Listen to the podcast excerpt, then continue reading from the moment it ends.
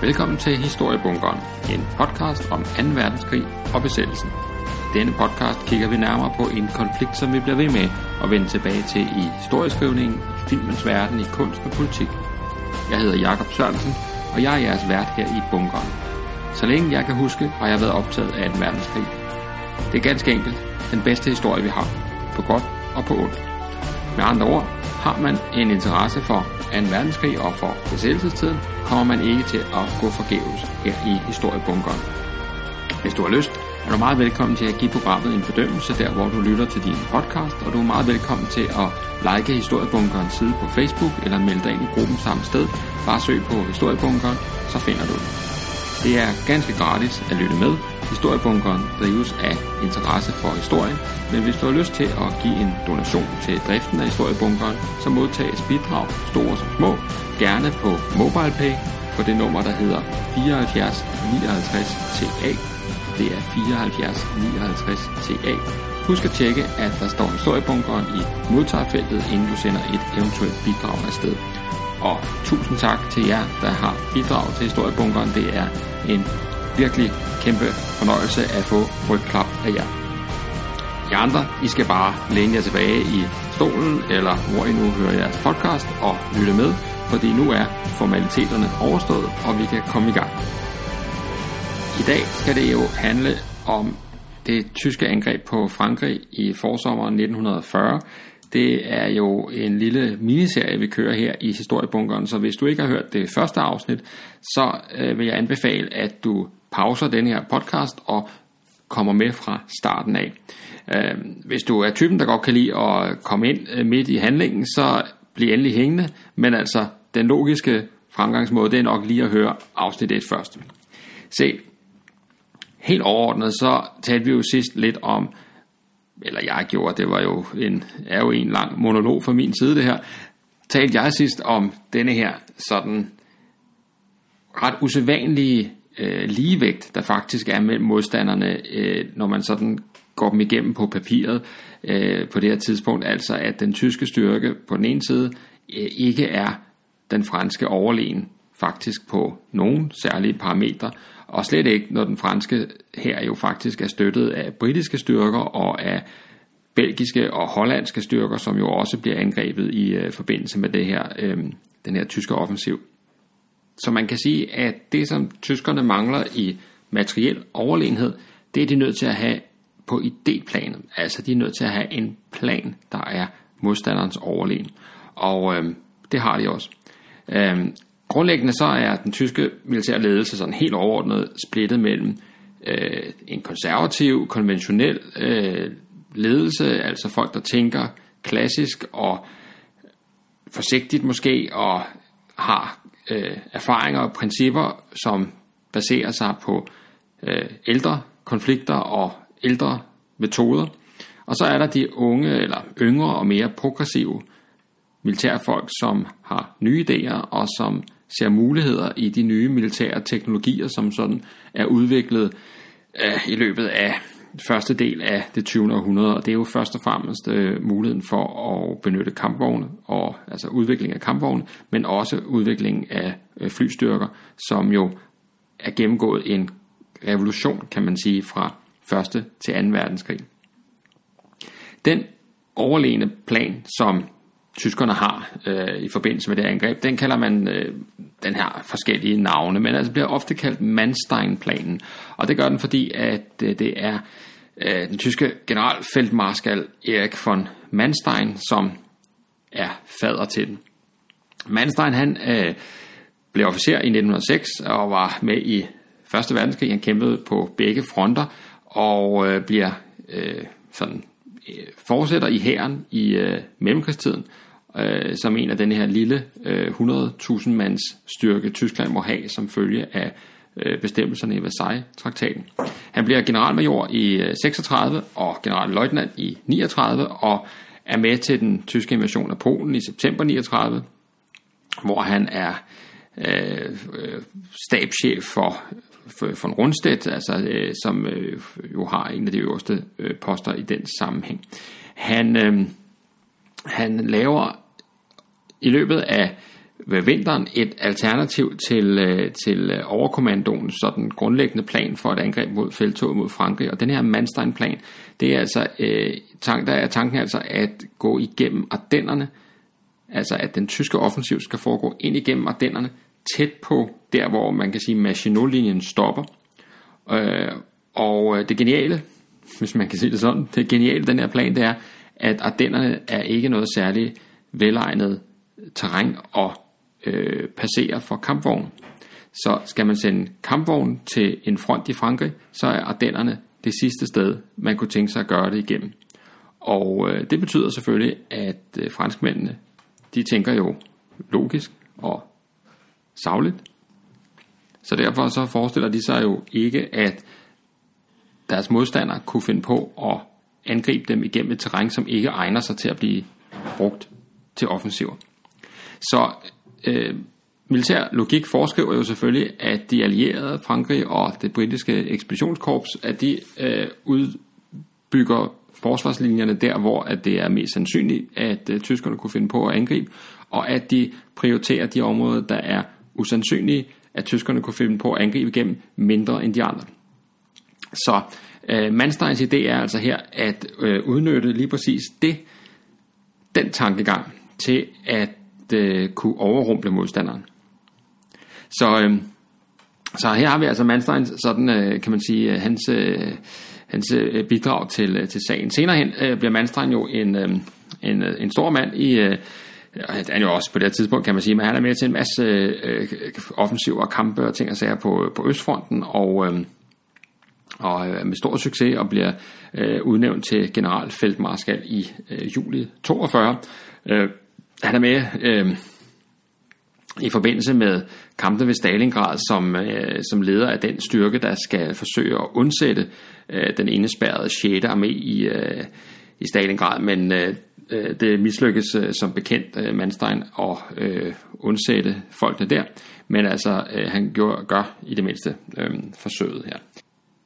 Manstein han regnes for at være en af de mest øh, talentfulde øh, generaler øh, i 2. verdenskrig, men han øh, er også uløselig og tæt knyttet til den massive øh, krigsforbrydelse, eller de massive krigsforbrydelser, som sker på Østfronten. Her øh, tænker jeg blandt andet på indsatsgrupperne og på altså øh, hele sådan, kan man sige, den, den fremfærd, som øh, de tyske styrker har på Østfronten, som jo fuldstændig tilsidesætter alle former for øh, Øh, ja, krigens regler og almindelige øh, regler for menneskelig adfærd, og der er øh, Manstein altså ikke en, der øh, holder sig tilbage. Men altså han, i vores sammenhæng, der er han altså manden, der ligesom kommer med ideen, konceptet om ikke at angribe ude ved, altså tættere på kysten, altså tættere på den engelske kanal, hvor det, er, hvor det vil være bedre, øh, hvad skal man sige, øh, altså hvor landskabet simpelthen er bedre at angribe igennem. Nej, angribe tættere på Maginot-linjen, øh, gennem Ardennerne, det overraskende valg, kan man sige.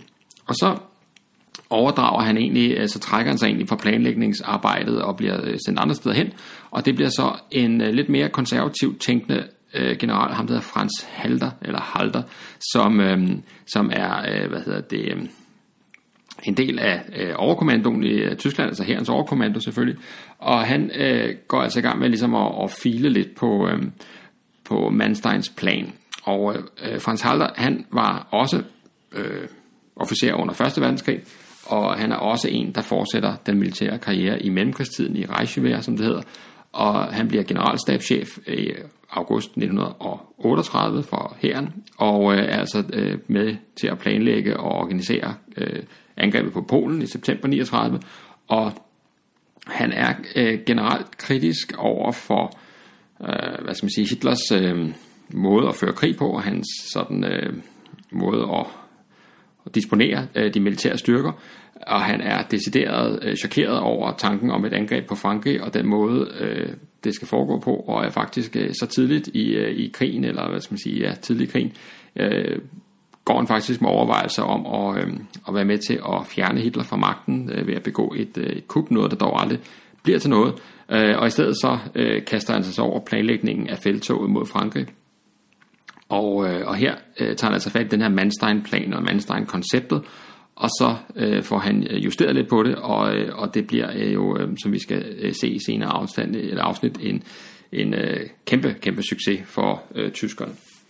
Øh, Halter er sådan set en interessant, øh, hvad hedder det, øh, skikkelse, fordi han, øh, han er øh, vedbliver altså ved at være sådan øh, kritisk øh, indstillet over for, øh, for sin, øh, sin, øh, sin ledelse, og bliver faktisk også, øh, det bliver er jo sådan kendt, kan man sige, så han bliver jo i kølvandet på 20. juli attentatet i 1944, altså hvor øh, Hitler jo er tæt på at blive sprunget i luften af, øh, af den her bombe, der bliver placeret under bordet, hvor han står og, øh, og holder øje med nogle landkort. Øhm, øh, Øh, der bliver han altså øh, knyttet til det her, øh, det her attentat, selvom han faktisk ikke var en del af det. Og han bliver arresteret, og han bliver placeret i en koncentrationslejr for, for ligesom at, og hvad hedder det, som straf. Øh, og her bliver han øh, befriet øh, af amerikanske soldater, da han sidder i flere lejre, men senest i den, der hedder Dachau, nede ved, nede ved, hvad hedder det, nede ved München. Og øh, så bliver han befriet af amerikanske soldater, og så, øh, det er jo helt fantastisk, så bliver han jo faktisk ansat af, af amerikanerne, øh, og, øh, Øh, og bliver ansat i, og arbejder i den amerikanske hærs historiske afdeling, hvor han er med til ligesom at, øh, at holde styr på alle deres arkivalier og ting og sager, øh, der har med, øh, med krigen at gøre. Øh, og det betyder faktisk, at øh, den her halter, han øh, hvad hedder det, ender med at få øh, USA's øh, højeste udmærkelse for civil tjeneste, det der hedder øh, Meritorious Civilian Service Award. Øhm, og det, altså det er jo fantastisk, at man ligesom kan gå fra at være, være hvad hedder det, øh, topledelse i, øh, i det tredje riges øh, militære øh, afdelinger der, og med til at planlægge de her store offensiver, Polen, Frankrig, Barbarossa, altså mod Sovjetunionen, og så ende sin dage lige en smut forbi eller skal kalde det, smut forbi koncentrationslejren, han får hele pakken med her, og så altså også øh, en, en ansættelse af og stor anerkendelse i USA øh, efterfølgende. Det er jo altså, kan man sige, øh, det er jo det, der er fantastisk ved virkeligheden, det er, at den overgår jo fiktionen, altså, og, øh, og Halter er jo bare et eksempel på den, altså en person, som man jo virkelig burde øh, dykke mere ned i og studere, fordi hvordan, hvordan, hvordan pokker kan man ligesom som menneske rumme sådan en øh, sådan omskiftelig øh, tilværelse her.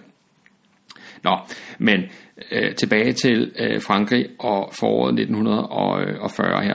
Se, den endelige version af planen, hvor at øh, hovedstyrken, den tyske hovedstyrke skal angribe ind igennem øh, Ardennerne, det er jo så altså der, hvor de allierede franskmændene har det svageste forsvar. Og øh, det er overladt til sådan andenrangs øh, divisioner, øh, øh, og, øh, og de regner altså med, at hvis, hvis det overhovedet bliver til noget, altså hvis der er tegn på, at tyskerne er på vej igennem Ardennerne, så vil det tage så lang tid at komme igennem Ardennerne, at, øh, og det skal man lige huske, det er jo fjendeland, altså det er jo, øh, ligger jo i Belgien og delvis i Luxembourg. Det vil tage så lang tid, at så kan man sagtens nå at forstærke de her andenrangs divisioner med øh, friske styrker af bedre kvalitet, sådan så at, øh, at man kan mødegå et, eller imødegå et eventuelt angreb. Så, så franskmændene er, kan man sige, helt på den sikre side, og øh, føler sig i hvert fald helt på den sikre side øh, i den her måde at disponere deres, øh, deres tropper på. Manstein-planen, som øh, vi taler om her, den bliver også nogle gange kaldt Operation Sejlskær, hvis man skal oversætte det sådan, eller Sichelschnitt. Og en sejl, det kender vi jo fra hammer og sejl, altså det er jo sådan en øh, lille håndholdt øh, le nærmest, så man kan sådan skære korn og den slags af med. Og, øh, og det er faktisk en, øh, altså ja, man tror det jo ikke, men det er jo faktisk Churchill, der har ligesom navngivet denne her øh, operation til operation Sichelschnitt, øh, eller Sichelschnitt. Og øh, det gør han altså først efter operationen er overstået selvfølgelig, men øh, det er faktisk sådan, at efter krigen, så er flere af de her tyske generaler, som har overlevet krigen, de har faktisk, øh, øh de, er, de er faktisk så, så begejstrede for den beskrivelse af, hvad der er, der foregår, altså at det er et sejlskær, man benytter, ligesom det, det er det billede, man skal bruge, når man skal sådan forestille sig eller visualisere øh, operationen. Så de har overtaget øh, navnet, når de sådan skriver om, øh, om deres oplevelser, og derfor er der mange, der tror, at det egentlig er det øh, rigtige operationsnavn, men det er det altså ikke. På tysk hed, hed operationen for Aufmarschanweisung nummer 4 Fallgelb, altså Fallgelb øh, som øh, betegnelse, og øh, 24. februar øh, 1940, der bliver den øh, sådan, øh, hvad skal man sige, erklæret, og at, øh, at nu skulle man øh, igennem den her, øh, det her angreb med det her koncept selve angrebet ind igennem Ardennerne er ikke noget særskilt angreb og har ikke et særskilt navn. Men grunden til, at det her sejlskær, det er så passende, det er jo ligesom, når man forestiller sig, at man øh, svinger sådan et øh, sejl igennem luften, så, øh, så er det jo spidsen, der gennembryder øh, altså kornene, eller hvad det nu er, man, øh, man skærer over. Og så trækker man det jo ligesom sejlet med sig i sådan en bevægelse og får skåret alle kornene af. Og på samme måde skal man altså ligesom se det her øh, tyske angrebskoncept for sig, som at man svinger sådan en sejl. Spidsen bliver altså udgjort af de her massive, veludrustede, mobile panserstyrker, som brager ind igennem, øh, eller gerne skulle brage ind igennem de franske linjer, og så i sådan en lang bevægelse svinge ind bag øh, front, frontlinjen hele vejen ud til den engelske kanal, og på den måde så at sige fælde hele den franske her og det britiske ekspeditionskorps i et sådan langt, øh, hurtigt snit. Det er planen. Og det er en dristig plan, som hvis den lykkes, jamen så har man øh, kappet hovedet af den franske her og, og, fået, øh, og fået britterne med i købet. Hvis den mislykkes, jamen så, øh, så har man altså fået sendt hele sin mobile panserstyrke ind bag fjendens linjer, øh, og, øh, og hvis de skulle blive nedkæmpet der, så er de altså væk, så har man dem ikke længere. Og øh, som jeg gennemgik i seneste program af historiebunkeren, altså det første program om Falgelp her, jamen det, så øh, er den tyske panserstyrke jo de facto væk. Altså, øh, det er ikke sådan, at man har kæmpe store reserver af kampvogne og muligt andet. Man sender hele butikken til Frankrig, og øh, det er altså et gamble af den anden verden. Overfor Manstein-planen, kan man sige, så har man øh, den plan, som franskmændene og britterne arbejder efter, altså hvad de vil gøre, hvis, øh, hvis øh, der kommer et, øh, et tysk angreb. Og det de vil gøre, det er, at øh, lige så snart, at man så at sige, har erkendt, at øh, tyskerne er på vej, jamen så rykker man ind i Belgien og øh, indtager stillinger der for at øh, forsvare øh, kan man sige, øh, Frankrig øh, så langt fra Frankrig som muligt. Øh, på den måde kommer, øh, i hvert fald fransk tænkning, kommer øh, et nyt angreb her i 1940 til at minde en del om situationen i Første Verdenskrig. Øh, og det er, i, det er langt hen ad vejen, kan man sige, det der skal vise sig at blive franskmændenes problem, at de på en måde forbereder sig på den forrige krig mere end på den kommende. Mansteins idé, som jo altså så bliver modificeret lidt hen ad vejen, men Mansteins idé er altså det her med, at man kan følge det, man kalder udryddelsesteorien, altså Vernichtungsgedenke, som altså taler om det her store sving, som jeg lige har beskrevet med, med sejlet, og, og så på den måde i et stort kedelslag, som vi kalder det, altså en øh, omringer øh, fjendens styrker, kan man altså nedkæmpe sådan et kesselslagt, som det også hedder på tysk. Det er jo nogle stærke begreber, der bliver sat i spil her. Og øh, øh, de idéer har han diskuteret indgående med øh, generalløjtnant Heinz Guderian, som øh, er, kommer til at blive en af hovedfigurerne i det kommende angreb. Guderian, han øh, taler varmt for, at man altså går udenom fjendens hovedstyrke, og i stedet for at prioritere den her hurtige fremrykning i fjendens bagland, øh, og på den måde øh, afskære fjendens øh, forsyningslinjer, øh, og dermed øh, kappe hovedet af dem. Guderian, han er øh, pansergeneral, han er også øh, tidligere officer fra Første Verdenskrig. Det er langt, langt, langt de fleste af den, øh, dem, der er i den tyske ledelse, er jo folk, der har øh, været ved fronten før og, øh, og lugtet øh, krudtrøg adskillige år.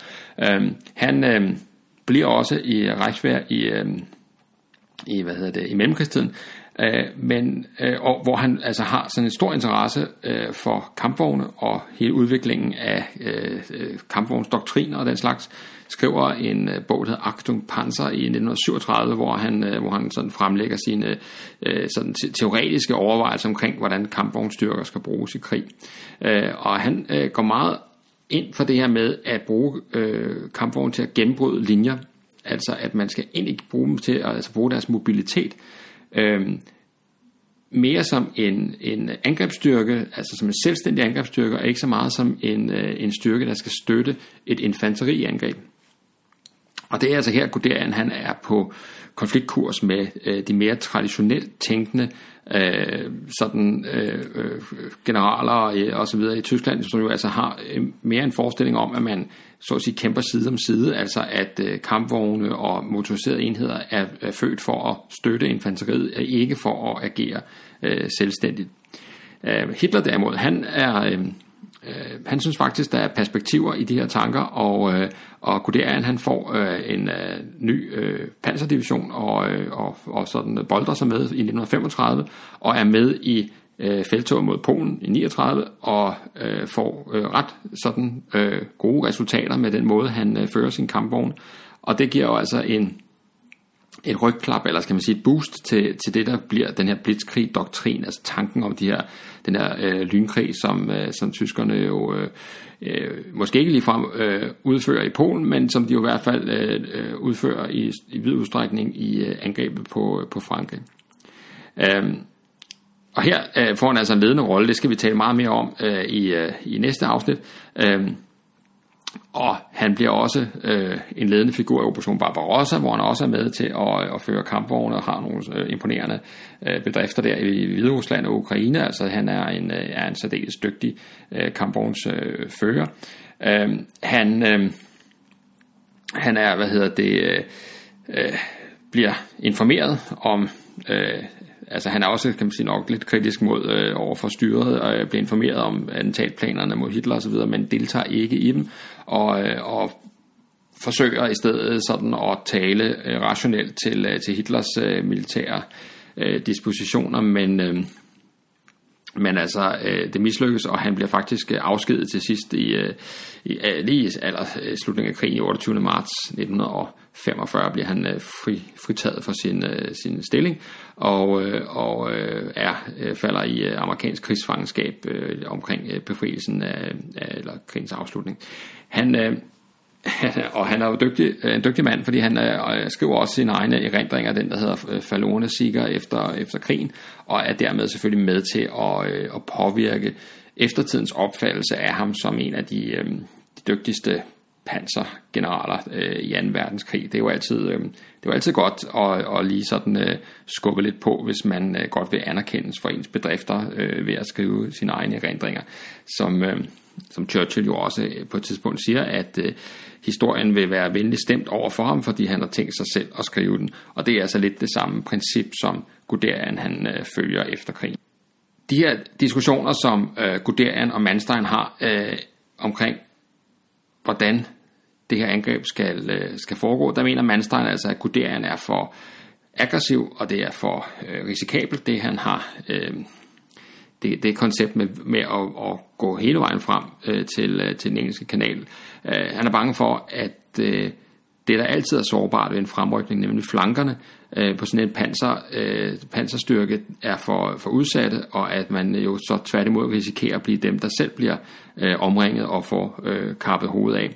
Men, øh, men der lykkedes det altså Guderian at øh, overbevise både Manstein og andre om, at øh, faren for et fransk øh, modangreb altså sydfra, kan man sige, det er, øh, det er så lille, at, øh, at det er den øh, risiko er værd at løbe.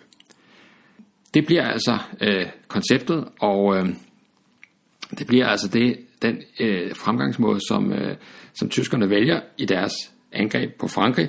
Det som jo, hvis man skal gå sådan lidt kontrafaktisk til værk, så kontrafaktisk, det betyder jo, at man skal, det, det er jo sådan en, en, en gren af historieskrivning, hvor man forestiller sig, hvad nu hvis, hvad nu hvis tingene var gået anderledes. Og der må vi sige, at det helt store hvad nu hvis spørgsmål faktisk her i en verdenskrig, det er ikke så meget D-dagen, eller, eller hvad nu hvis øh, øh, øh, øh, et eller andet øh, halvøje senere. Nej, det helt store øh, hvad nu hvis spørgsmål, det var, hvad nu hvis det tyske angreb på Frankrig ikke var lykkedes i foråret, sidst, sidst på foråret 1940.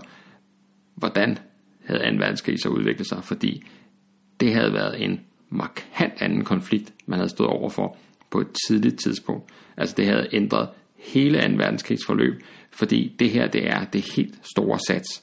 Altså det er det helt store sats fra tysk side. Hele butikken bliver satset på at nedkæmpe Frankrig og det britiske ekspeditionskorps hurtigt, effektivt ved brug af nye, i princippet uprøvede militære koncepter. Det er altså alle chatongerne på et nummer på rouletten der er det jo altså en fordel at have en ledelse, og, eller leder, Hitler, som øh, har en vis forkærlighed for de her sådan, øh, i perioder i hvert fald, for de her sådan, øh, kan man sige, meget satsede løsninger på tingene. Altså de her meget enten eller. Øh, den her enten eller tankegang.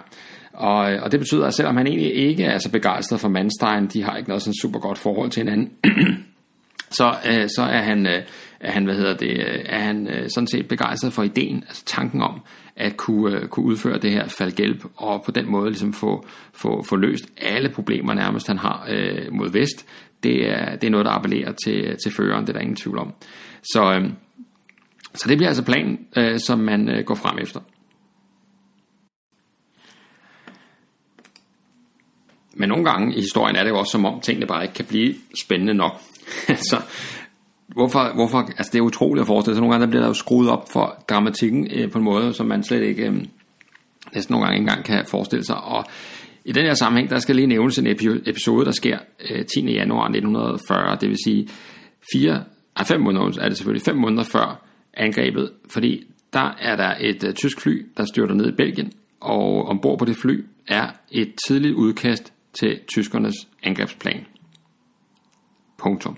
Altså, og det lykkedes øh, belgierne at få fingre i den, og den ryger selvfølgelig øh, øh, videre til, øh, øh, til Frankrig. Det er altså et fly, som er kommet ud af kurs og er nødt til at nødlande i en by, der hedder Mechelen i øh, Belgien.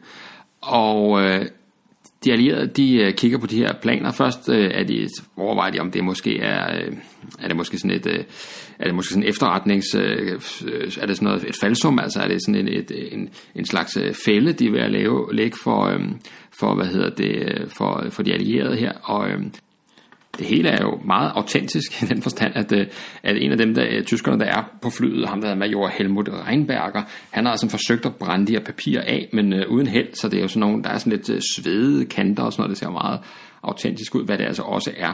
Den plan, som uh, de allierede har fået hænderne her, det er en tidlig uh, version af uh, planerne for en offensiv mod Frankrig, hvor uh, hovedstyrken fortsat vil angribe, øh, kan man sige, mere traditionelt, altså tættere på den engelske kanal.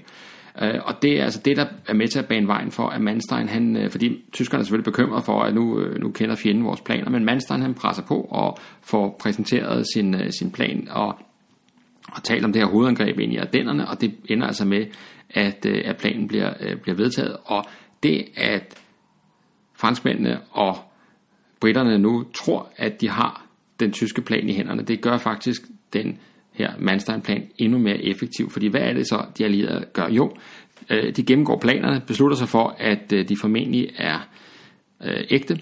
Og så, hvad gør man så? Jo, så iværksætter man en kæmpe øvelse, hvor man øh, forsøger at imødegå lige præcis den tyske angrebsplan, man har, øh, man har fundet. Og øh, fra tysk side, der, overvåger, der lykkedes det faktisk at overvåge denne her øh, den her øh, øvelse fra sådan nogle observationsfly, øh, så øh, øh, de kan se præcis, hvad det er, de allierede har tænkt sig at gøre, når øh, der kommer et tysk angreb. Og det er jo altså en kæmpe fordel for angrebsstyrken, fordi øh, det giver tyskerne mulighed for at fortsætte med at misinformere de allierede og spille med på, at det er den oprindelige plan, som man øh, stadigvæk har øh, tænkt sig at følge.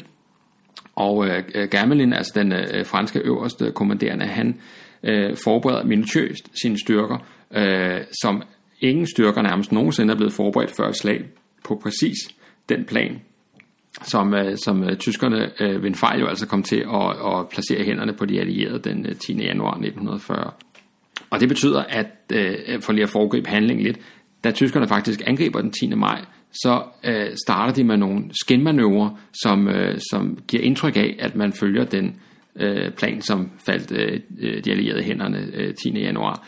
Og, øh, og der er sådan en, en, øh, en fransk general, øh, Jean-Pierre Jacome, tror jeg, har det udtalt øh, fra øh, det franske øh, krigsministerium, som erklærer, at øh, om, om sådan nyheden om, at nu kommer angrebet på den måde, man havde forventet, så siger han så, hvis du, hvis du har set, hvad jeg har set denne morgen, et bredere smil på general Gamelins ansigt, da han fortalte mig om fjendens angrebsakse, så vil du ikke føle nogen uro. Tyskerne har givet ham præcis den mulighed, han har ventet på. På fransk side er optimismen stor, selvtilliden er stor, og nu er Frankrig føler de sig klar til at mødegå en tysk offensiv endnu en gang, fordi de har forberedt sig præcis på det, de tror, tyskerne gør. Problemet er jo altså bare, at tyskerne de har andre planer. Og igen lidt for at foregribe handlingen, så øh, ender det selvfølgelig med, som alle ved jo, øh, at øh, Frankrig og britterne, de taber jo altså øh, kampen her i øh, Nordfrankrig i, øh, i 1940, og efter nederlaget har der jo været stor kritik af den her plan, som, øh, som især franskmændene og men også britterne var med på, altså det med, at man rykker ind i Belgien og forsøger at etablere forsvarslinjer der. Men øh, der er jo faktisk, som Karl Heinz Fraser, som jo altså har skrevet den her bog, The Blitzkrieg Legend, som, øh, som er øh, hovedværket bag de her, øh, de her podcasts om, om øh, lige præcis angrebet ind i Frankrig. Han, øh, han fremhæver, så er der jo altså grundlæggende militær fornuft bag det, som øh, de allierede gør. Fordi de vil gerne op til øh, det, der hedder øh, Dial-linjen, som altså er, strækker sig fra Antwerpen langs flodet, øh, altså der er altså langs en flod hele vejen ned til en by, der hedder Namur, hvor det hænger sammen med øh, den linje, som følger øh, Mørs-floden. Øh, og det vil sige, der er nogle stillinger, som belgierne har klargjort, og som man kan udbygge langs en flod, altså en, et fremragende øh, forsvarsterræn. Og det giver altså en række fordele for de allierede at gøre det på den måde. De vil for det første afkorte frontlinjen, altså have en øh, kortere frontlinje, det vil sige, at de kan have flere styrker per kilometer ganske enkelt. Ikke? Det vil give øh, dybde i forsvaret, fordi de vil jo stadigvæk have de franske linjer, øh, som man eventuelt vil kunne trække sig tilbage til, så man får altså et, øh, et fleksibelt øh, øh, forsvar, som selv under øh, forholdsvis lang tilbagetrækning vil blive ved med at kunne rykke tilbage til, øh, til nærmest endnu bedre stillinger. Øh, så vil man også øh, få mest mulig gavn af de belgiske styrker, som man jo altså kan få til at kæmpe videre. Øh, I og med at kampene foregår i Belgien, så kan øh, Belgiernes tilbøjelighed til at overgive sig og være mindre alt andet lige. Øh, man vil øh, beholde Bruxelles på allieret side af fronten, må man sige, altså en stor øh, venligsindet hovedstad, det har også øh, noget betydning. Man holder øh, kampene væk fra øh, en del af den franske sværindustri, der ligger i, øh, i Nordfrankrig, øh, og som dermed ikke bliver blandet ind i selve øh, kampene, altså ikke kommer til at være, være midt i, i, øh, i kampområdet. Og øh, så vil man altså også have et øh, godt udgangspunkt til et senere modangreb mod Tyskland, altså ind igennem Belgien, øh, og, øh, og angreb der, det vil være øh, alt andet lige øh, nemmere end at skulle angribe for eksempel ind igennem øh, langs den fransk-tyske grænse, altså der hvor Maginot-linjen befinder sig på fransk side, fordi på tysk side der er det, der hedder Siegfried-linjen, altså en tilsvarende, men ikke helt så udbygget, men altså en tysk forsvarslinje, som, øh, som jo altså øh, skal øh, passeres, øh, og det er jo ikke øh, så nemt igen. Så der vil altså være nogle fordele ved at angribe ind i Belgien i stedet for. Så er tanken jo altså også, at man faktisk, hvis man hvis det lykkes med den her fremrykning til de her nye stillinger i Belgien, så vil man faktisk også få kontakt med de hollandske styrker, og dermed jo også kunne holde hollænderne inde i kampen noget, noget længere. Så set ud fra et allieret synspunkt, så er det altså en øh, fornuftig, øh, sikker fremrykning, som, øh, hvor man vil kunne møde tyskerne sådan cirka midtvejs. Øhm, øh, og jo længere man når op i Belgien, jamen jo, jo længere øh, viser det så faktisk, man klatrer ud af en gren, som vil blive skåret af inde ved stammen, fordi øh, Tyskerne har jo altså helt andre planer. Så man kan sige, at det som egentlig er konventionel militær fornuft, det viser sig, fordi tyskerne har øh, ændret på reglerne og kommer til at angribe på en anden måde, end man har set før, så øh, kommer det til at være en øh, allieret styrke, som for fuld hast stikker hovedet ind i en fælde. Altså, øh, de skynder sig ind i Belgien. Og det er faktisk sådan, at franskmændene i sådan øh, selvtillid og begejstring over at have afluret de tyske intentioner, så tredobler de faktisk antallet af divisioner, som skal rykke ind i Belgien og sender ikke færre end 30 divisioner ind i den øh, kæmpe store sæk, som øh, tyskerne altså har planer om at snøre godt og grundigt til. Denne her øh, revolutionerende angrebsplan, som tyskerne lægger for dagen, den kræver jo tilsvarende en revolutionerende metode til at blive udført. Og det er altså først og fremmest øh, lagt på skuldrene af panserstyrkerne, fordi for at det her kan lykkes, så skal panserstyrkerne være selvstændige, være autonome. De skal kunne kæmpe uafhængigt af andre styrker. De skal selv opsøge muligheder, udnytte åbninger i modstanderens forsvar og agere hurtigst muligt. De skal ikke vente på at få infanteriet med frem eller kæmpe koordineret med fodfolk. Det handler om at rykke så hurtigt som muligt. Øhm, og øhm, det har man ikke prøvet før. Det var ikke sådan, man havde gjort øh, ved feltog i Polen, øh, hvor øh, panserstyrkerne i højere grad blev holdt tilbage for ligesom at følges med, med de andre, i hvert fald i, i mange tilfælde. Her, der skulle feltoget altså være anderledes. Der skulle fart over feltet. Til det, der bruger tyskerne altså panserstyrkerne og de motoriserede divisioner, det tyskerne kalder Schnelle-truppen, altså hurtige enheder. De skal indsættes uafhængigt og autonomt. Øh, og derefter, først derefter, så følger, kan man sige, de mere konventionelle enheder, altså infanteri og, øh, og så videre, og artilleri og den slags. Og det er jo altså Heinz Guderian, der øh, skal øh, lede det her, øh, den her spydspids, altså spidsen på det her sejl, som skal skære ind igennem kornet her. Øh, det er også øh, Karl Heinz Friesers øh, vurdering, at Guderian ligesom er øh, den helt rigtige mand på det helt rigtige tidspunkt. Det er hans kan man sige, progressive koncept, som nu skal føres ud i, øh, i livet i, øh, i Frankrig. Men altså, det betyder ikke, at der ikke er store udfordringer. Panserstyrkerne, når panserstyrkerne rykker ind først, øh, og infanteriet kommer bagefter, så betyder det i det her tilfælde, at de angriber af den samme akse. Altså det vil sige, at de bevæger sig frem langs de samme veje. Og det betyder, at øh, panserstyrkerne skal forsynes ind igennem infanteriets styrker, hvis man forestiller sig ligesom, at de er som en kolonne, der holder på en vej. Og øh, panserstyrkerne har selvfølgelig øh, stor, øh, hvad hedder det, øh, brændstofforbrug og andre ting, så de skal hele tiden genforsynes, og det betyder, at den forsyning skal altså køres frem af de her smalle veje og dennerne ind igennem øh, de efterfølgende øh, øh, fodfolk osv. Det giver flaskehalsproblemer, og øh, det giver risiko for overbebyrdet trafik på de smalle veje, og dermed forsinkelser, og forsinkelser, det er jo det sidste, tyskerne har behov for, fordi hele, kan man sige, hele succesen for angrebet mod Frankrig, det hviler på hurtighed. Øh, så enhver time, der bliver mistet på landevejene, det er altså, øh, kan man sige, øh, øger risikoen for, at det her ikke skal lykkes. Samtidig så er det jo heller ikke sådan, at man på tysk side, at alle bare er fuldstændig enige om, at det her det er helt fantastisk.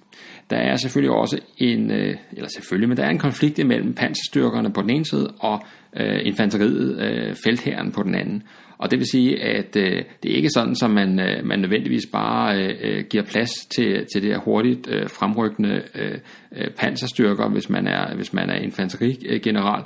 Man øh, kæmper øh, internt jo for at, øh, at selv få lov til at være en del af øh, kampstyrkerne være med til at opnå resultaterne og gennembrud osv. Og så, øh, så derfor er der jo altså en, øh, en kan man sige, meget klar øh, rivalisering øh, internt blandt, øh, blandt de tyske styrker. Og, øh, og det kommer til at være en af, af de udfordringer, som man faktisk får i angrebet, at, øh, at det, man trækker ikke alle sammen øh, i samme retning, når, øh, når først startskuddet er, øh, er affyret. Det bliver sådan en form for kompromis, man ender med, hvor man siger, at panserstyrkerne får lov til at gøre sådan, som Guderian og de andre, de gerne vil have, altså kæmpe og agere uafhængigt, men hvis de ikke får det gennembrud, som de gerne vil have, altså hvis, de ikke, hvis det ikke lykkes i, i, i første omgang at komme igennem de franske linjer, så, og det bliver sådan indhentet, kan man sige, af feltherren, der kommer efterfølgende, så skal de også underlægges den. Altså det vil sige, hvis, hvis, øh, hvis de ikke kan bevise deres værd i starten af angrebet, så kommer de til at være, være øh, i meget tættere koordinering med resten af styrkerne. Det får jo altså de her panserfolk, som de progressive panserfolk, til virkelig at, øh, at øh, blive motiveret for at vise, at deres koncept virker, og slippe for at blive underlagt sådan lidt mere traditionelt tænkende chefer. Så øh, derfor kan man altså, derfor taler de også om, det er sådan et citat, en anden kommer med, at når de først rykker frem, så bliver de jaget af tusind djævle, og de her tusind djævle, det er jo altså, deres, øh, det er jo altså de traditionelt tænkende generelle om bagved dem det er ikke kun øh, fjendens øh, svaghed, øh, de vil udnytte i deres øh, hastige fremrykning, de vil også undgå at blive indhentet af egne styrker. Og det er jo altså en dobbelt motivation for sådan nogle progressive panserfolk. Så udgangspunktet for en tysk succes i vest, det er hurtighed, og det betyder, at for at det kan lade sig gøre, så skal de logistiske forberedelser være på plads. Lige så snart bolden ruller, så er der ikke tid til at ændre altså så går tingene så stærkt, og tingene skal virkelig klappe, så den her der, der er ikke så mange muligheder for at korrigere de planer, man har lagt. Man skal ligesom satse på, i hvert fald i et stykke tid, at tingene fungerer sådan, som man havde forestillet sig. Og, øh, og derfor så skal man, øh, altså igen, det skal virkelig understreges, at hvor højt spil tyskerne spiller her, fordi de satser altså hele butikken på, at det kommer til at lykkes, det de har planlagt. Et af succeskriterierne, det er altså den her øh, logistiske indsats, og det viser sig, at tyskerne er fremragende i den her sammenhæng. Man har ofte i øh, militærhistorien sådan øh, fokus på kamphandlinger og udrustninger, hvor hurtigt kan det ene gevær skyde i forhold til det andet og, og alt det her, og, og hvordan, øh, hvordan er generalerne og sådan noget. Men øh, man glemmer altså nogle gange det her, øh, det logistiske, altså måden forsyninger og den slags bliver ført frem til. Det bliver ofte overset, og det er ærgerligt og uretfærdigt, fordi et, altså uden et velfungerende logistisk system, så er der ikke nogen her, der kan kæmpe på en fornuftig og sammenhængende måde, uanset hvorhen. Hvis ikke de får de forsyninger, de skal bruge på de rigtige tidspunkter, så bliver de hæmmet i deres, øh, i deres øh, kampevne. Og, øh, og derfor så er de rigtige folk på logistiksiden, det er alfa og omega for, at øh, en operation som Falgelb skal, øh, skal lykkes. Og helten, hvis man kan tale om en held i sådan en sammenhæng, men helten i den her sammenhæng er i hvert fald på tysk side, med tyske øjne, øh, helten det er ham, der hedder Oberst Seitzler, som øh, udvikler noget, der hedder rygsækprincippet. Og rygsækprincippet, det er altså tanken om, at de tyske enheder, der rykker frem, ind igennem Ardennerne og øh, spydspidsen, de skal have deres øh, forsyninger med i rygsækken. Altså de skal bære de ting, de skal bruge. De skal ikke i noget særligt omfang være afhængige af forsyninger bagfra. De skal være så selvforsynende som overhovedet muligt. Og øh, ham her, øh, Seisler, han er øh, stabschef, øh, hvad hedder det, øh, hos øh, ham der general List, øh, som øh, øh, øh, i forbindelse med invasionen af Polen, og er med til at, at, at, at komme der rundt med nogle styrker der, og så bliver han øh, underlagt øh, ham der hedder von Kleist, øh, som, jo, øh, som jo leder øh, den her øh, pansergruppe A i forbindelse med angrebet her ind over, øh, ind over Frankrig. Og han er altså kendt for den her brillante organisering af øh, Øh, af pansertroppernes forsyninger gennem Ardennerne, og det er, det er noget, som, øh, som, som bliver helt afgørende for, at øh, det lykkes at gøre det så hurtigt, som, øh, som, hvad hedder det, øh, som øh, man drømmer om fra tysk side. Med det her rygsæk-princip, eller rucksack-princip, som tyskerne kalder det, så, øh, så har man altså brændstof, ammunition, reservedele og den slags i så vid udstrækning som det overhovedet er muligt, dem har man med sig. Øh, så der skal ikke gå tid med at vente på, at forsyningerne kommer frem eller andet. Det skal, man skal være selvforsynende. Og øh, det stiller krav til lastvogne. Som jeg omtalt i første afsnit af den her miniserie, så har tyskerne altså ikke vanvittigt mange lastvogne sammenlignet med, med allierede. Men øh, dem de har, det bliver øh, altså allokeret til panserstyrkerne i øh, vid udstrækning for netop at kunne, øh, kunne forsyne dem som øh, altså være panserstyrkernes øh, rygsæk. Det man har brug for, når man sådan angriber, der er jo for eksempel først og fremmest noget som ammunition. Og her viser det sig faktisk, at øh, forandringerne i krigsførelsen øh, også ændrer behovet for ammunition. Når vi sammenligner med, øh, med hvad hedder det, Første Verdenskrig, hvor øh, artilleriforberedelserne jo har varet jo nogle gange i øh, nærmest i ugevis, og med millioner af granater, der blev fyret afsted, og altså astronomiske mængder ammunition, som, øh, som skulle bruges, når man skulle angribe noget som helst. Øh, tilsvarende ser man jo ikke, øh, stort set ikke i 2. verdenskrig, og det vil sige, at øh, hurtigheden i angrebet, altså den tyske fremrykningshurtighed, mindsker behovet for ammunition ganske enkelt. Så, øh, så den, det her nye koncept, øh, det her nye hurtigt bevægende øh, krigskoncept, øh, blitzkrig-konceptet, eller tanken, blitzkrig, tanken her, den, øh, den øh, mindsker faktisk behovet for artilleri, og, og det er en kæmpe logistisk lettelse, at man ikke skal slippe helt så meget af den slags med, som, øh, som, øh, som man regner med, øh, eller som man har gjort tidligere.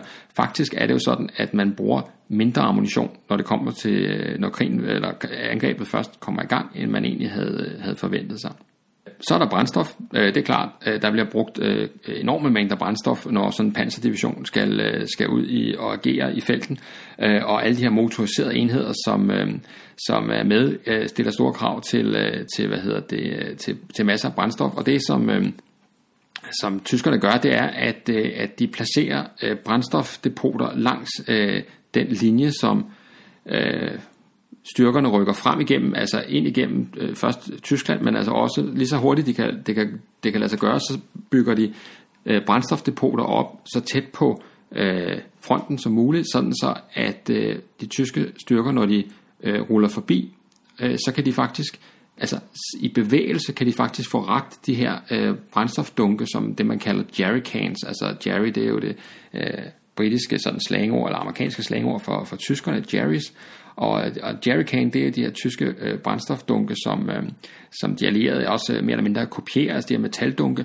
De kan altså blive ragt op til øh, de her øh, kørende enheder, når de kører forbi, og så øh, kan de øh, blive, øh, hvad hedder det, øh, kan de øh, bruge, altså hælde brændstoffet på osv., og så øh, er der så sådan nogle bestemte øh, zoner, hvor de smider dunkene ud øh, over bord, sådan så at øh, det kan blive samlet op og øh, genopfyldt, og så kan man øh, gøre det en gang til. Altså en meget sådan glidende øh, genforsyning af brændstof fungerer øh, upåklageligt faktisk øh, i forbindelse med angrebet på, øh, på Frankrig. Og øh, og andre, andre tilfælde, hvor det virkelig skal gå stærkt, så går man faktisk så vidt som at flyve brændstof frem til enhederne. Altså at man bruger fly øh, til at fremføre brændstof, som ellers er, det er jo en tung og, øh, og hvad skal man sige, sådan, øh, øh, besværlig øh, ting at flyve rundt med. Men det lykkedes faktisk i, øh, i at forsyne eller bringe mere end 400 ton brændstof frem til øh, de fremrykkende styrker af luftvejen. Det er ret imponerende mængder, må man nok sige, på et tidspunkt, hvor Luftwaffe og øh, det franske og britiske flyvåben jo altså er nogenlunde lige stærke, så det er jo ikke fordi, at de har øh, himlen for sig selv over, over Nordfrankrig. Så er der sådan noget som øh, madrationer, som selvfølgelig også skal bringes frem, og reservedele til, øh, til køretøjerne. Der er over 40.000 køretøjer i den her pansergruppe Kleist, og, øh, og de skal jo altså svinge ind igennem øh, Frankrig og hele vejen ud til kanalen. Det er 600 km, øh, de skal øh, fragtes eller køre, og en del af det vil jo foregå i kamp. Det stiller store krav til maskineriet. Ser man på panserstyrkerne alene, altså kampvogne først og fremmest, så er der op til 50% af dem, som faktisk bryder sammen med mekaniske problemer i løbet af feltoget her. Det siger noget om, hvor stor grad af vedligehold og reparation sådan en panserstyrke øh, kræver. Det er noget, der slider hårdt på, øh, på materiellet. Og derfor er det en stor logistisk udfordring at hele tiden holde øh, sådan nogle enheder kørende med reservedele. Også når man tænker på, at, øh, at de tyske panserstyrker jo altså langt fra er standardiseret. Altså der er jo en, en række forskellige øh, øh, kampvognstyper. Jeg gennemgik dem her i, i første afsnit, men, men der er både tjekkiske og tyske og alt muligt, som, som skal øh, forsynes med øh, tilsvarende forskellige reservedele. Her er, øh, bliver tyskerne faktisk også reddet af hurtigheden ved angrebet, altså det, at øh, kampagnen ind igennem Frankrig er forholdsvis kort øh, tidsmæssigt, øh, så betyder det, at, øh, at det store øh, antal sammenbrudte kampvogne, nogle af dem bliver selvfølgelig repareret og kan køre videre osv., men øh, det lykkes, øh, altså havde angrebet varet længere, jamen så ville øh, andelen af kampvogne, der var brudt sammen, alt andet lige blive større, og til sidst ville man jo altså miste som, skal man sige, sin, sin slagstyrke. Ikke? Men det lykkes øh, altså at få endt kamphandlingerne, inden det bliver et problem. Og øh, der ser vi jo altså året efter i forbindelse med Operation Barbarossa den, den modsatte øh, effekt, altså at angrebet er så langt over så lang tid, at, øh, at de her sådan, øh, om man så må sige, dagligdags problemer med køretøjerne, de kommer til at fylde virkelig, virkelig meget. Altså øh, almindelige mekaniske sammenbrud, som ikke har noget at gøre med, at fjenden øh, beskyder en eller noget, men som simpelthen bare har noget at gøre med, at det er øh, materiel, som jo øh, langt hen ad vejen er øh, følsom. Nå, men kigger man bare på øh, den her pansergruppe Kleist, som jo altså er øh, knytnæven i angrebet her, så øh, har de altså de her omkring øh, 40.000 øh, køretøjer, øh, altså lastvogn, og så har de 1200, omkring 1200 kampvogne, eller over 1200 kampvogne faktisk, og øh, knap øh, 550 andre former for bæltekøretøjer.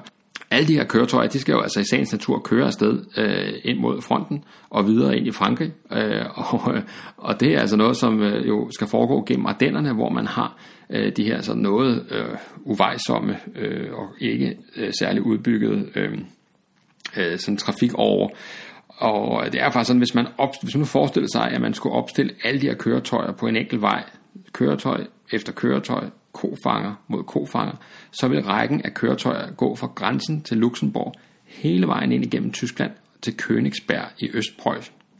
Det er enormt mange køretøjer. Og øh, alle de her mange, mange, mange køretøjer, de har kun fire øh, veje, altså fire akser at køre af ind imod Frankrig. Og, øh, og det betyder, at de, som Karl Heinz Frieser har så på en eller anden måde regnet sig frem til, at sådan mars, marskolonnerne på hver vej er cirka 400 km.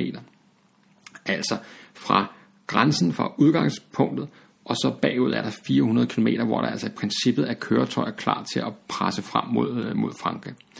Øhm, og de her veje i Ardennerne, det er ikke moderne veje, det er ikke brede asfalterede veje med flere spor eller noget som helst. Det er jordveje, smalle veje, det er, det er hvad hedder det, brostensbelagte veje, alt muligt. Det er bakkede landskaber og den slags. Det her er et stort potentielt flaskehalsområde, og, øh, Og det vil sige, at sådan noget som forsinkelser, det må man altså øh, regne med at øh, blive udsat for, når man skal føre så mange køretøjer gennem et uegnet landskab. Der er jo altså en grund til, at tyskerne oprindeligt og at franskmændene stadigvæk øh, vurderer, at Ardennerne er uegnet til at køre panserstyrker igennem. Nå, pansergruppe Kleist og øh, de kolonner, der ligesom er en del af det angreb her, de skal altså igennem øh, knap 200 km veje, før de når frem til floden Meuse i eller Møs, eller hvad den hedder, Møs, ja, floden Møs i øh, Frankrig, og øh, de første 50 km, de skal køre det igennem Luxembourg, altså som er sådan en lille relativt neutral stat, men altså der er jo dog, man skal jo dog øh, tilbagelægge dem, så er der 100 km øh, gennem Belgien, og så er der 20 km gennem Frankrig, før man når målet. Det vil sige, at der er nogle forhindringer, der skal overkommes. Der er grænsevagterne i Luxembourg, der er øh, befæstninger og stillinger i Belgien, og øh, både ved grænsen, men også længere ind i landet. Og så er der selvfølgelig også øh, franske grænsevagter og stillinger, som, øh, som, øh, som øh, når man når til grænsen til Frankrig, som er her, det er øh, det er amerikanerne kalder sådan pilleæsker, altså sådan nogle øh, kanonstillinger og maskingeværstillinger, som, øh, altså i, i beton, som, øh, som er opstillet rundt omkring. Og så er der altså øh, floden, som øh, 70 meter bred, den her floden Møs, som, øh, som jo altså i sig selv er en naturlig forhindring i terrænet.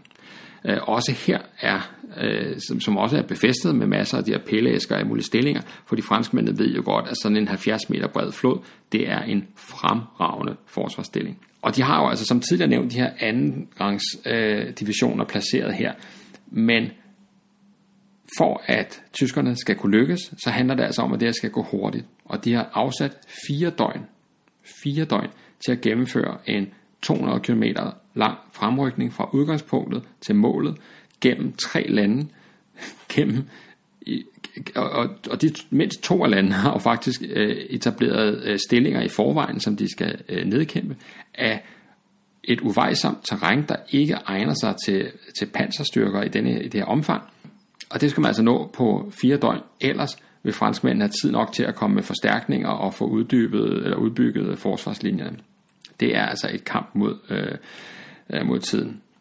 Øh, Guderian, Heinz Guderian, som altså ligesom er spydspidsen i alt det her, han, øh, han har øh, sådan et vist talent for at ud og, og, og komme med sådan nogle slogans og den slags, og øh, hans, øh, hans mantra over for soldaterne i, øh, i hans øh, panserstyrke i de her dage, det er tre dage til møs, en dag til at komme over. Tre dage til møs, en dag til at komme over. Det er sådan, det skal siges. Altså gentag, gentag, gentag. Altså det bliver sådan et, øh, det bliver sådan et, øh, et eko, kan man sige, gennem kolonnerne, ikke? at øh, de har de her fire dage, tre dage til at komme frem til floden, en dag til at komme over. Hvis ikke, så kan de godt glemme alt om at, at, at, at trække sig succesfuldt ud af det her angreb, sådan som de har planlagt. Man vil jo faktisk kunne, nu talte jeg om kontrafaktisk historie før, man vil jo faktisk kunne argumentere for, at hvis ikke, hvis ikke det lykkes, så har tyskerne jo altså på en måde tabt krigen allerede her, fordi de har investeret hele deres hovedstyrke i det. Og, øh, og det ved man godt fra tysk side, for man har lavet alle mulige sådan nogle kortøvelser og, og alle mulige sådan op til angrebet, hvor man, har, hvor man har trænet det her. Man ved, at det er alfa og omega, at tingene skal gå stærkt. Øhm, så øh, når først øh, fremrykningen er sat i værk, så handler den her, altså sådan noget med at dirigere trafik og sørge for, at tingene glider sådan noget, det er helt, helt øh, afgørende. Og der har vi altså noget af den her friktion imellem panserstyrkerne og infanteriet, som jeg nævnte tidligere, som gør, at de ikke alle sammen er lige gode til at samarbejde om at få bragt styrkerne frem på den måde, som, øh, som planen egentlig foreskriver. Øh, så der er noget friktion der, men som, som tror, kan man sige, at det her skal lykkes, fordi forsinkelser jo er afgørende. Men den mest alvorlige trussel, det er selvfølgelig, at når man forestiller sig fire veje i, gennem Ardennerne, som er pakket med tyske køretøjer, og tyske styrker, det vil være, altså det er guf for et allieret flyvevåben. At, at få øje på de her øh, kolonner, som, altså, som jo altså befinder sig i noget terræn, hvor de ikke nødvendigvis kan køre ned ad vejen og gemme sig og sådan noget, men altså hvor de er bundet til de her små, smalle veje. Hvis, øh, hvis øh, de franske og britiske øh, jægerfly og bombefly osv. kunne få lov til at øh, slå løs på de her kolonner, så vil de jo, øh, jo virkelig, virkelig kunne hæmme deres øh, mulighed for fremrykning alle ødelagte køretøjer skal bukseres af vejen øh, og alt det der. Men ved et sandt mirakel faktisk, så bliver de her angrebskolonner slet, slet ikke øh, berørt af de allierede luftvåben. De får simpelthen uantastet lov til at rulle igennem Ardennerne, ind igennem Luxembourg, Belgien og ind i Frankrig, uden at blive angrebet fra luften stort set. Og det er altså bedre, end hvad tyskerne på nogen måde havde tog håb på, at de stort set intakt for deres styrke ført frem uden nævneværdige forsinkelser. Se, nu er vi nået frem til selve angrebet ind i Frankrig, og øh, det er det, som øh, de næste afsnit her i miniserien skal handle om. Så øh, for en stund slipper vi angrebet på Frankrig i forsommeren 1940. Det angreb, som altså bliver helt, helt afgørende for udfaldet og forløbet af 2. verdenskrig. Det var dagens afsnit. Tak fordi du lyttede med. Som nævnt i starten, så er du meget velkommen til at give programmet en bedømmelse der, hvor du lytter til podcast, og du er også meget velkommen til at like Historiebunkerens side på Facebook eller melde dig ind i gruppen samme sted. Søg på Historiebunkeren, så finder du den. Har du en nabo, som øh, du ved interesserer sig for 2. verdenskrig og besættelsen, så er du også meget velkommen til at nævne Historiebunkeren for vedkommende. Det er ganske gratis at lytte med. Historiebunkeren bliver drevet af interesse og begejstring for historien, men øh, hvis du har lyst til at give en lille donation til driften, så er du meget velkommen til det. Det kan gøres på MobilePay på det nummer, der hedder 74 59 TA, altså 74 59 TA. Husk at tjekke, at der står historiebunkeren, inden du sender et eventuelt bidrag sted. Du får en tak, og øh, på genlyt næste gang bunkeren åbner op.